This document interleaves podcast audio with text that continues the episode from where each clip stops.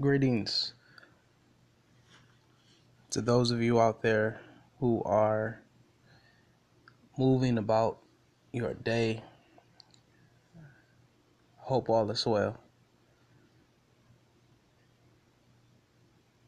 I simply want to get on today um, and just remind you that it's all in your head.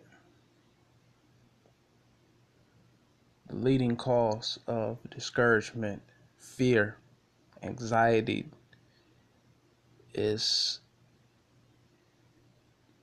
not usually external forces. It's usually something that is going on inside of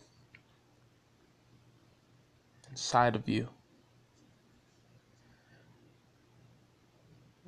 When you enter into that mode of fight or flight, which says that you have an option to run from it or run to it and face it. Most times, people begin to get scared and fearful is because they have already calculated inside of their head uh, the possibilities of what could go wrong and what will not go right, therefore, causing you to not pursue something that can be conquered. You decided not to write a book because you calculated in your head the possibilities. You decided not to open the business because you you said, "What if I don't get this and what if I don't get that? What will they say?" You decided not to take a trip because of what whatever it may be. Most times, the reason we do not proceed in uh, going forth is because oftentimes we allow internal forces to stop us. I just want to tell you that you can defeat what's in your head.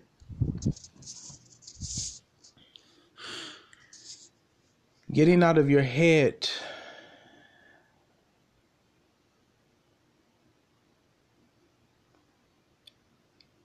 is one of the most vital things that one can do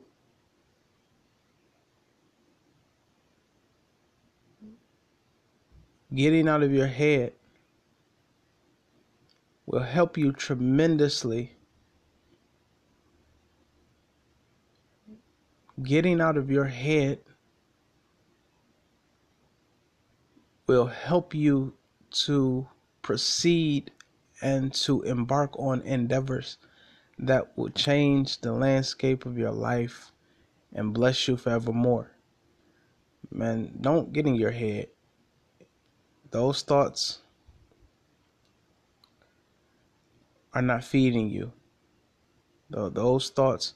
And the thing is, when you think within yourself, you're fighting against yourself. You're battling yourself. You are allowing invisible forces that live within you to fight against yourself. So you're fighting against something that does not even pose a threat to you.